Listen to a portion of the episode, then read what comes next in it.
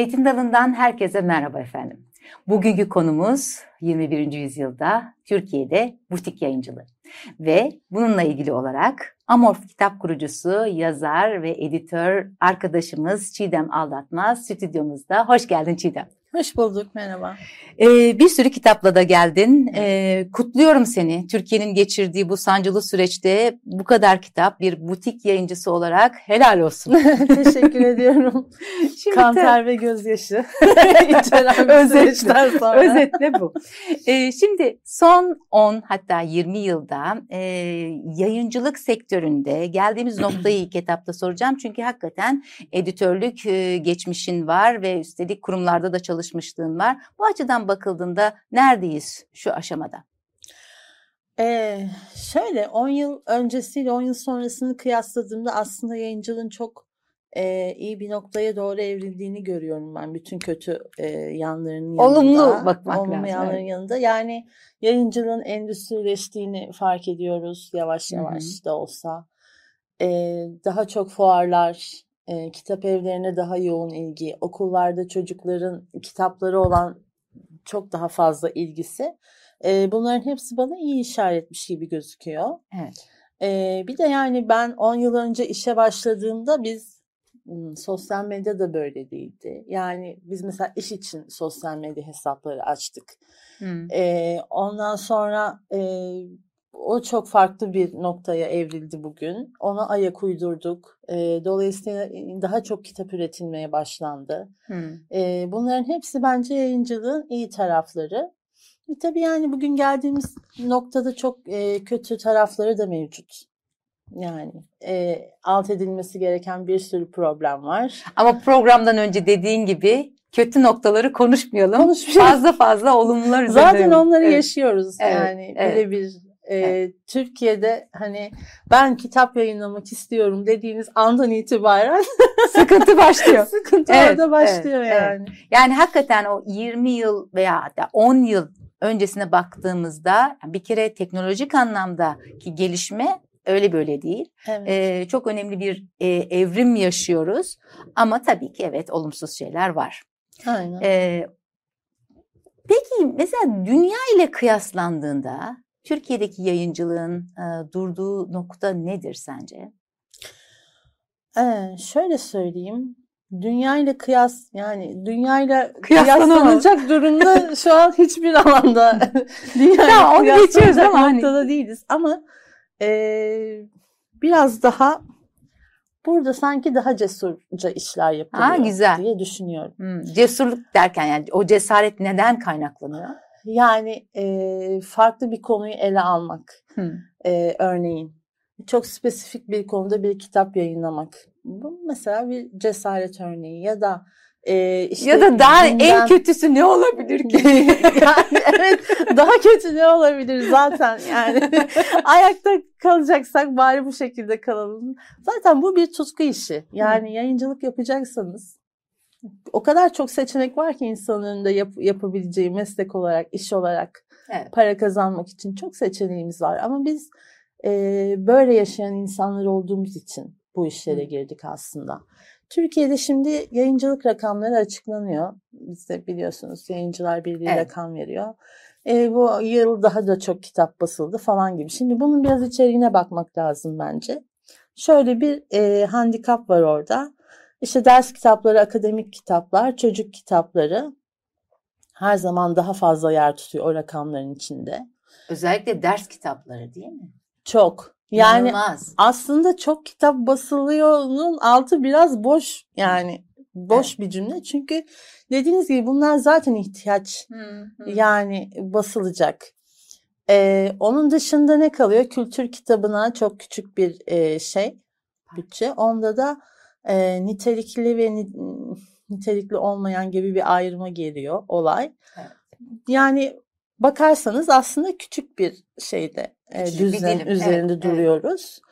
Evet. E, yani bu biraz e, tabii dünya ile kıyaslandığında bu çok kötü bir durum yani. Hani dünyada o açıdan bakıldığında mesela kitapları satın alanlarda da yükselme var dendiğinde ders kitabı alan da aynı kategoride değerlendirilir Aynen değil öyle. mi? Evet. Aynen öyle. Evet. Yani dünyadaki gibi çok basılan, çok e, adette e, üretilen bir durum yok bizde. Devlet Hı. desteği yok, reklam yok. E, dolayısıyla zor yani bu sektörde ayakta kalmak. Ama dediğim gibi çok büyük bir cesaret var işin içinde. Hepimiz Don Quixote'uz şeklinde. Mecburen Don Quixote olduk. Şimdi peki işi biraz daha hani e, dar boğaza sokup butik yayıncılığa geleceğim ben. Butik yayıncılığın geçmişine baktığımızda mesela dünyada nasıl bir yer tutuyor? E, Türkiye'de yani bizim buralarda ne alem? E, sadece Türkiye değil yani Türkiye'nin e, işte e, yer aldığı coğrafyada nasıl bir karşılık buluyor onu da soracağım meraktan. Hı hı. butik yayıncılık değil yani butik yayıncılıkta biraz şey var. Bağımsız bir alanda durmak fikri var. Değil mi? O Ee, çok öne çıkıyor. Yani ilk şey bu aslında. İlk amaç bu. Ben bağımsız olayım. Yani şu an mesela mindfulness moda. Ben o kitabı yapmak istemiyorum. Ben e, antilopların büyülü dünyasını incelemek istiyorum diyebilirsiniz. Hı. Ya da istediğiniz bir konu ya da ilginizi çeken bir konuyu ya da e, bu hikayeyi herkes duysun, şu kitabı herkes okusun, bu yazarı herkes görsün dediğiniz e, kitapları basacaksınız. E, bu işte butik yayıncılık. Yani biraz bizde kavramlarda çok şey oluyor. Hani butik yayın, ben mesela hiç sevmiyorum bu butik yayıncılık lafını. Yani her şeyi bir isim taktığımız için buna da takmışız. Ama sanki şey gibi hani daha az çalışıp Daha gevşek bir e, şeyle, üretim sistemiyle keyfe keder kitap yapmak gibi değil. Aslında e, mesela ben bir butik yayıncı olarak yeri geliyor proje yapıyorum, yeri geliyor fuara gidiyorum, yeri geliyor işte e, kendi teliflerimi bulmaya çalışıyorum. Daha çok çalışıyorum yani. Daha sıkı bir şey e, disiplin söz konusu. Dolayısıyla butik yayıncılık e, çok çaba ama e, günün sonunda sizi mutlu edecek, Hmm. e, fark yaratacak bağımsız işler yapmak demek. İdealizm demek aslında. İdealizm Evet, demek kesinlikle öyle. Evet. Ee, peki Türkiye'de nasıl işliyor bakıldığında? Şimdi yurt dışında butik yayın evleriyle Türkiye arasında aslında çok büyük farklar yok. Ama bakış açısıyla ilgili farklar var. Ki bazen o her şeyi değiştiriyor.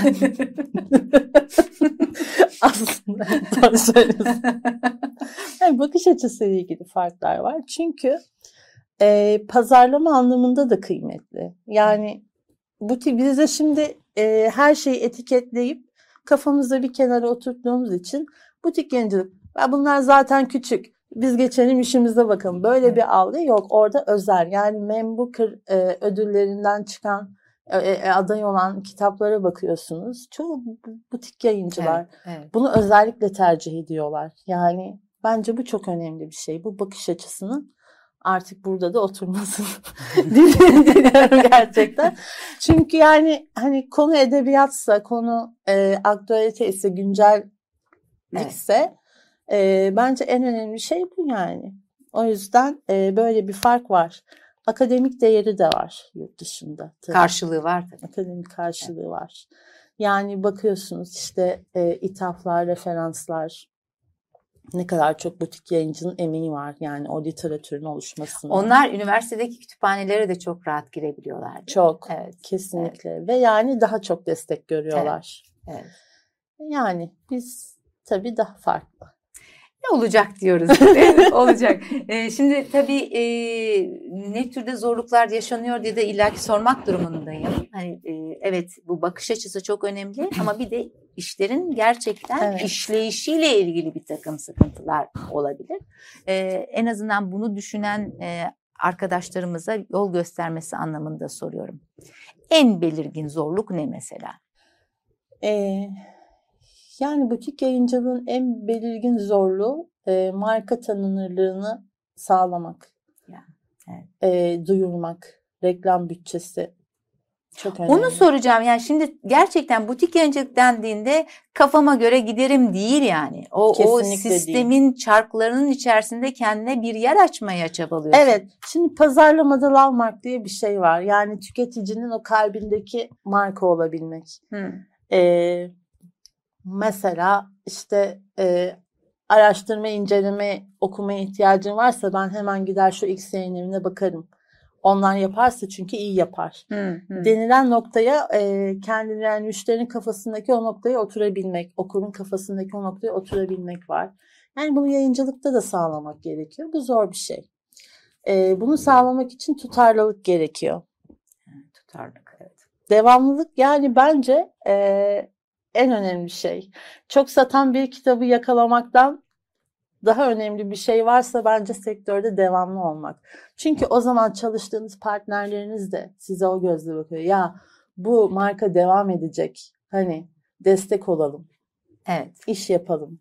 Birlikte işbirliği yapalım. Ne olursa olsun pes etmeyecek. Aynen. Hı. Yani onu bildikleri için güveniyorlar. Yani o güveni de ya- yaratmak çok önemli. Bir de tabii bizde şey e, işte dağıtım kanallarına hakim olmak. O mümkün mü? Peki. Yani şöyle söyleyeyim ben sektör içinde çok eskiyim. Dolayısıyla o konuda zorluk yaşamıyorum. Hı. Ama tabii ki görüyorum yani çok fazla e, kitapları geri dönen, dağıtıma hiç girmeyen, girmiş gibi olup da girmeyen yayın evleri var. Yani dağıtım meselesi çok zor. Yani şimdi mesela yurt dışında kıyasladık ya, yurt dışında bu olay da çok şey.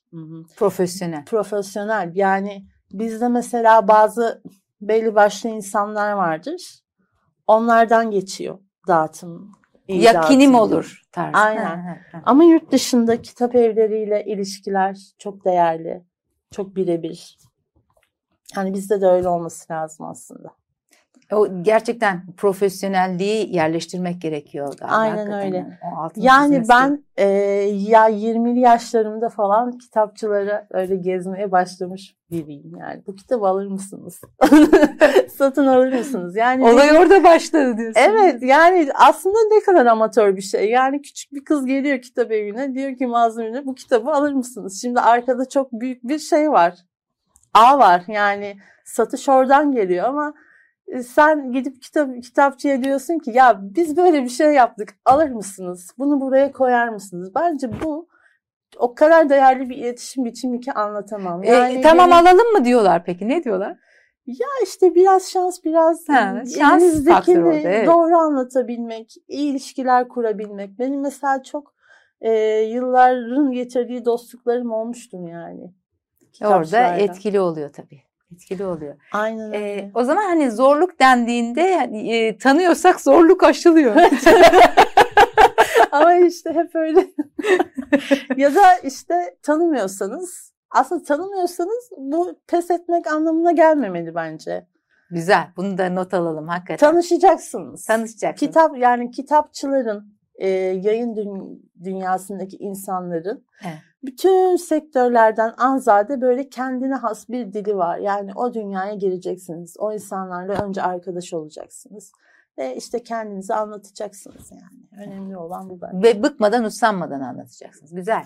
Biraz da zor bir hayat tabii. Onu ama dedik yani.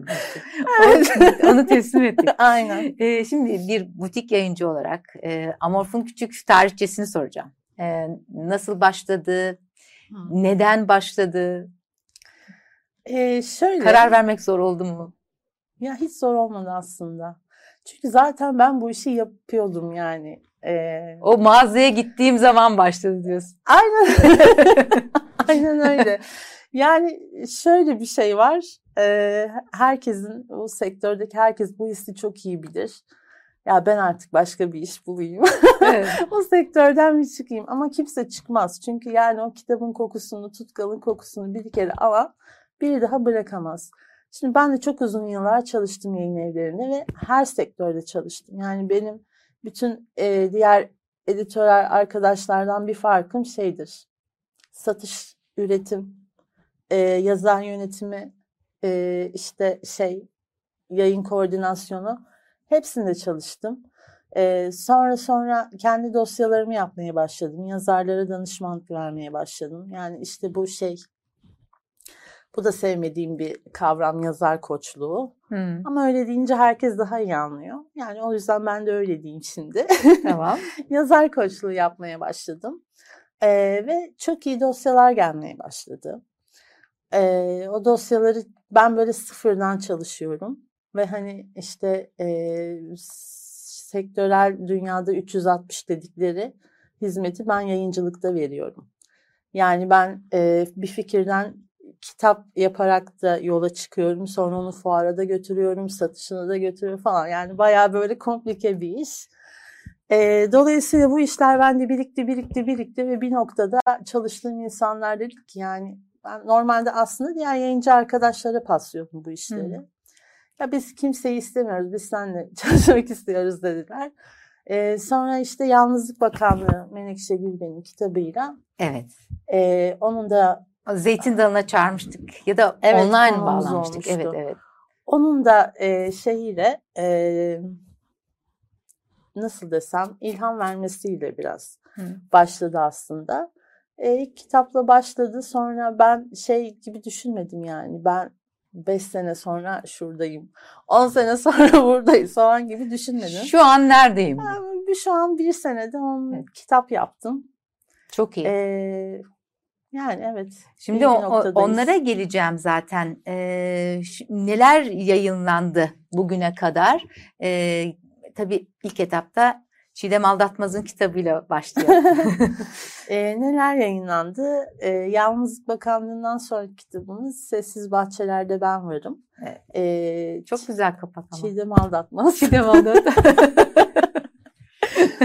yani bunlar gerçekten e, çok daha büyüdüğüm yani mental olarak büyüdüğüm dönemin öyküleri. Ee, Seni Sem'in öyküleriyle biliyoruz zaten. Zeytin Dalı'na da konuk evet, olmuştun. Evet, evet. Ben bu kitabı daha okumadım ama okuyacağım programdan Ay, sonra. Söz. Çok sevinirim. Ee, burada biraz daha e, yine yani sende olan şey aslında devam ediyor nü, nüve olarak bunda Hı. da var. Yani e, çeperdeki insanlar, e, küçük semtlerin e, hayatları yine burada da var. Biraz e, ölüm ve cenaze kavramları ile ilgili e, çok fazla üzerinde durduğum öyküler oldu. Kadın öyküleri sayılabilir. Kadın öyküleri sayılabilir ama yani ben kendimi çok öyle tanımlamıyorum. Benim mesela karakterlerim genellikle erkektir. Hmm. Çatışmaları olan birbirleri. Kapağı böyle görünce yani. Kadınla erkeğin çatıştığı daha evet. çok. O karakterler aynen. Peki. Ee, Kapak İsmet Doğan. Bu arada onu söylemeden geçemeyeceğim. Ee, değerli bir e, çağdaş güzel. sanatçımız. E, zaten biraz ama böyle başladı ve bu aslında Türkiye'de bir ilk yani yayıncılıkta gerçekten. Çağdaş e, işleri alıp kapaklara koyduk ve böylece edebiyatla böyle çapraz bir bağ kurmuş oldu. Bunda bir şey bunda bir butikçiden başka kimse yapamazdı diyorsun. Kesinlikle öyle. Şimdi mesela bunu büyük yayın evlerine kabul ettiremezsiniz. Büyük yayın evleri risk almak istemez. Hmm. Risk alınacak kitapları hep butik yayıncılar yapar diyebiliriz yani. Evet bu bile özet oluyor. Peki sonra? Sonra e, Annelik Kutsal Mıdır'ı yaptık Fadime Dalkılıç Keçen'in. E, bu bir şey annelik anlatısı. Doğum, lohusalık, e, toplumun doğum esnasında e, annelik sırasında kadına hep böyle dayattığı ya da işte onları görmek istediği bir yer var ya hani sen annesin Hmm. Sen artık annesin falan. Yani sürekli kadınların duyduğu bir cümle mesela. Yani nedir annelik? Bu kadar kutsal bir şey midir? Bunu tartışmaya açmak istedik. Bir de 3 yaşında bir evladı varsa insanın değil evet. Birebir deneyimleyerek. Yani benim yazarlarımın hepsinin aslında anlattığı şeylerde benle bir böyle ortak duygusal bağ oldu. Yani o anlamda çok seviniyorum gerçekten. Denemeler var kitapta. Denemeler var. Ee, doğum, doğusalık ve e, şey e, hamilelik sürecini anlatıyor. Kendisi zaten e, bir şey öğretmen ve bu konularda çok çalışmış biri. Yani böyle mentorluk yap, yaparak değil, tamamen birebir e, bu hissi, bu zorluğu e, yaşayan kadınlarla bağ kurmak için bir anlatı bu. Annelik kutsal mıdır? E, sonra ee, Sonra? Şöyle sıralamayı da biraz aklımda tutmaya çalışıyorum. Leke, e, ve bir gün belki hayatta aynı anda çıktı. Hı hı. E, biraz lekeden bahsedeyim. Melike Pehlivan işler e, iyi bir öykücü. Yani şimdi iyi bir öykücünün altını doldurmak istiyorum çünkü herkes için diyebiliriz iyi bir öykücü. Ama gerçekten e, okuduğunuzda işte bu edebiyat, Hı hı. işte ben bunu ah, nasıl da yakalamış dediği e, cümlelerin sahibi kendisi. Çünkü e, aynı zamanda e, sinemayla e, haşır neşir ve e, dersler veriyor diyalog yazma üzerine. Ve kitapta da çok diyaloglar çok güçlü, karakterler çok güçlü. Ve böyle hani ekonomik cümlelerle iyi hissi verebilme hani Evet bu kitaba ben başladım. Ee, gerçekten katılıyorum. Hatta e, muhtemelen diyelim e, Melike Pehlivan işleri biz Eylül ayında Zeytindan'a konuk edeceğiz. Evet, Evet. evet. çok seviniyoruz biz de bu konuya. Ee, leke böyle gerçekten hani e, böyle kahkaha atarken bir anda kahkahanızın yüzünüzde donduğu ve o ne oldu bu karakter Kaldın. Evet, evet. evet. dediğiniz bir kitap. Ee, Seda Akdoğan Atasoy e, yine bir öğretmen yazarımız. Ee, bir gün belki hayatının içinde yani şu sıralar mumla aradığımız e, insan tipolojileri var. İşte inatçı, dürüst, namuslu yani e, o şey hani e, geleneksel ama e, haklı olduğu konuda her şeyin peşinden giden bir karakter mesela Semerci İbrahim diye bir karakteri Hı. var. Muhteşem bir hikaye. Yani bence hani bir şeyleri yavaş yavaş kaybettiğinizi düşünüyorsanız hani bu, bu haralı gürele içinde insanı böyle hemen işte eski günlerine kendisine döndürecek nostalji öğelerinin çok e, ağır bastığı e, tatlı bir aşk hikayesi de var içinde. Öyle güzel bir hikaye. Okuyunuz diyoruz. Evet, Aynen. evet. Yani yaz ayları için de bence çok iyi. İdeal. Evet. Evet. Neşeli Mutfak çocuk kitabımız. Neşe Cesur'un. Çocuk kitaplarına da yer veriyoruz yani öyle gözüküyor. Aynen. Şimdi şu an bir çocuk kitabımız bir de iş kitabımız var. Onlar eee, çoğalacak. İş kitabı 50 soruda üretim. 50 soruda üretim. Eee, gıda mühendislerinin eee, üretim sektöründe çalışan herkesin el kitabı gibi bir şey. Bu mesleki bir kitap. Zaten bununla Eylül'de CNR'da fuarda olacağız. Hmm. e, Food in Türkiye fuarında. Şimdi tek tek bahsetmem gerekirse Neşeli Mutfak e, beslenme ile alakalı bir kitap. Yani çocuklara e, çocukların yapabileceği tarifler mottosu. Hmm, Pufidik börek. Evet, yani çocuk e, bu tarifi yaptığında mutfakta bir kazaya uğramaz. Annesiyle yapabilir, kendisi yapabilir. Bir yandan yaptığı yemeğin hikayesini okuyabilir. Çizimleri Deniz Aksoy'un e, çok güzel, soft, yumuşak çocuklara hitap eden çizimler. Yenilmezler çorbası bile var. Evet yani Evet. böyle süper kahramanları çok sever ya çocuklar. işte pelerinler, yenilmezler çorbası, her yemeğin orijinal isimleri var.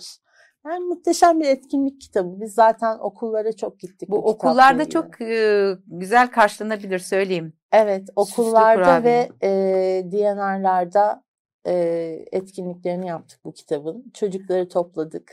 E, içinden basit bir tarif yaptık. Hem beslenme üzerine konuştuk. E, hem de işte çocuklar böyle çok bir arada eğlenceli bir saat geçirdiler her seferinde. Yapılışı malzemeler mesela. Aslan burger bile var. Evet şu 50 soruda üretim için bir şeyler söyleyecek misin? Bu e, tamamen e, mesleki bir kitap ama yani gıda sektöründe olan herkesin el kitabı gibi. E, Harun Tuygan zaten İTÜ'de e, hoca. Aynı zamanda işte Nesle gibi bir sürü pazarlama e, gıda üretimi şirketinde üretim müdürlüğü yapmış. Dolayısıyla deneyimlerini aktarıyor. Onunla da işte dediğim gibi Eylül'de fuardayız. Sonra üniversitelerdeyiz. Öyle yoğun bir tempomuz olacak. Ee, çok enteresan. Kapak da çok ilginç. Evet. O da risk. Umut Durmuşoğlu kapaklarımız. Evet güzel. Yalnızlık Bakanlığı'nı konuşmuştuk ama o da yani bayağı cesur olması olunarak e, yola çıkılacak bir çalışmaydı. Kesinlikle. E, yani kapağından içeriğine kadar hepsi çok özeldi. E, zaten şeydir. Yine sadece bir bağımsız e, yayın evinin basabileceği metinler. E, insanın çok böyle kendisiyle sınavı olabilecek metinler var içinde. Şey bizim için özel bir kitap. İlk kitap olarak ilk da kitap, evet ilk göz gerçekten çarpıcıydı. Peki bir tane e, bu programa yetişmeyen üzerinde çalıştığım bir kitap vardı. Ee, daha önce çıkmış ama şu an burada olmayan bir derlemem var benim. Hmm. Ee, onlardan da bahsedeyim kısaca. Ee, Yazarların Gizli Hayatları ismi. Ee, Ne zaman çıktı? yıl içinde. Yıl içinde. Tarihlerle aramın hiç iyi olmadığını sanırım söylememe gerek yok. Yani kitap çıkalı bir 5-6 ay olmuştur ama çok sevildi. Çünkü yani hani bir sürü böyle kült olarak bildiğimiz yazarın aslında ne kadar zorlandıkları yazarlık, yayıncılık e, işlerinde e, birbirleriyle olan ilişkileri yani böyle çok özel dedikodular da var içinde Hmm. böyle geçmişe dönük birbirlerine yazdıkları mektuplar. Çünkü ben onu çalışırken e, bir arşiv taraması yaptım. Yani bayağı e, Kimler uzun bir bunlar, süre Çiğdem? arşivlerde yaşadım. E, yani Birkaç tane. Tanpınar, Ha. e, Nazım Hikmet, e, Rilke, Hani Dostoyevski. yani şey Çok- sadece çok fazla yazar var Türkiye içinde. değil. Ha, yerli ve e, Evet. y- yani yabancı. Benzer şeyler mi Şey. yaşıyorlar peki? Yani böyle bir Ya çok enteresan bir şekilde benzer şeyler yaşıyorlar. yani e, Yazarlık diye bir şey var yani. alamıyor. Kimisi artık ben bu işi bırakacağım. Kimisi diyor ki ya yazamazsak nasıl yaşarız yani. nedir bu ülkenin Her hali? zaman evet yani o günlerden bugünlere neler değişmemiş ve bazı şeyler de neden iyi ki değişmemiş yani yazmak tutkusu gibi. Ona çıkarıyoruz. Çok bence hoş bir çalışma oldu. O zaman buraya getirmemişsin Aşk istiyorum o mektupları var mutlaka. Evet. Bir de polisiye romanımız var en son çıkan. İsmi Aile. Aile kökünden gelen aile. Evet. Yani böyle Yalı'da işlenen çok önemli bir ailenin Yalı, Yalı'da cinayet işleniyor. Ondan sonra bu cinayetle ilgili haber yapan bir kızın eee, o cinayetle yolunun kesişmesi, eee, bir yolculuğa çıkması, eee, kendi annesiyle olan çatışmaları, canavar anne sendromu. Yani böyle bir sürü şeyi aynı anda eee, kurgulayan gerçekten çok orijinal bir hikaye. Bir ilk kitap ama bence eee, başarılı Bir ilk. ilk kitap. Yani yolu açık bir ilk kitap öyle söyleyeyim. Çünkü zaten ben e, çok çalışıyorum. Birebir çalışıyorum. Yani Hı. şimdi yayın evlerinde e, editörlük hizmetinin bir sınırı var. Hani kitaplar gelir, okunur, redaksiyona girer vesaire. Ama ben e, yazarlarımla birebir çalışıyorum. Fikirden itibaren, ilk cümleden itibaren çalışıyorum. Dolayısıyla çok e, emek verilmiş Ya kitaplar. o oluyor. yazar koçluğu bütün aşamada kendi gösteriyor. Kesinlikle. Ee, çeviri kitap. Savrulan Bulutlar çok yakında. evet. Fumiko Hayashi'nin eee, daha önce aynı isimli filmi de çekilmiş. E- e- 55'lerde çekilmiş bir film. Eee, savaş döneminde yaşanan eee, yorgun bir yasak aşk hikayesi. Eee, son derece müdanasız, böyle tutkulu ve yani aşkı çok farklı boyutlarda yaşayan bir kadın karakter var bu kitapta. İnanılmaz yani e, şey gibi yani bazen böyle sefil oluyor bazen e, sokaklara düşüyor ama yine de vazgeçmiyor. Belki yani o adam onu içse bile vazgeçmiyor. Hı Yani hı. kadının sadece e, şey yaptığı, var ettiği çok büyük bir tutkuyu anlatıyor. E, biraz puslu ve şey hmm, ihtiraslı bir metin. Yani kapağını Yani- gördüm. Kapağı da çok güzel. Evet o da artık sürpriz olsun. Tamam sürpriz. Ee, son olarak şunu soracağım. Baktığımda kitaplar 3 aşağı 5 yukarı ölçü olarak aynı. Evet. Bunun bir nedeni var mı? Ekonomik olarak mı? Ya da hani neden? Hakikaten daha detaylı bir soru bu aslında. Yani bir nedeni yok aslında. Yani böyle denk geldi. Şimdi evet.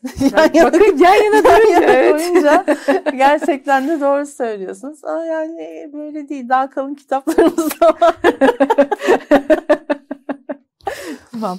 Peki o zaman e, özellikle de çocuk kitaplarını, çeviri kitapları da merak ediyoruz. E, o mektupları da e, mektupların içeri e, mektupların olduğu kitabın da e, bir biçimde elime ulaşmasını rica ediyorum. Mutlaka hemen. Evet, yani e, bu o kadar da yalnız değiliz noktasında. Evet kapağı da çok güzel böyle pullu ve eski mektuplarla bağlantılı bir kapak. Hoş bir çalışmamız. Peki çok teşekkür ediyorum Ben de Çiğdem. çok teşekkür ederim. Çok ee, güzeldi sizle konuşmak. Bir mukavele. Ellerine, emeğine ve Don Quixote'luğuna sağlık diyorum. Nicelerine. Nicelerine. Evet. Bugün e, Amorf kitap kurucusu, yazarı ve editör Çiğdem Aldatmaz'la bir sürü kitabı konuştuk. Butik yayıncılığı konuştuk. E, edebiyatın zor bir iş olduğunu ama o güzelliğin hepimizi hayata bağladığını konuştuk en önemlisi. Kendinize dikkat edin efendim. Zeytin Dalı'ndan hepinize sevgiler, selamlar, saygılar.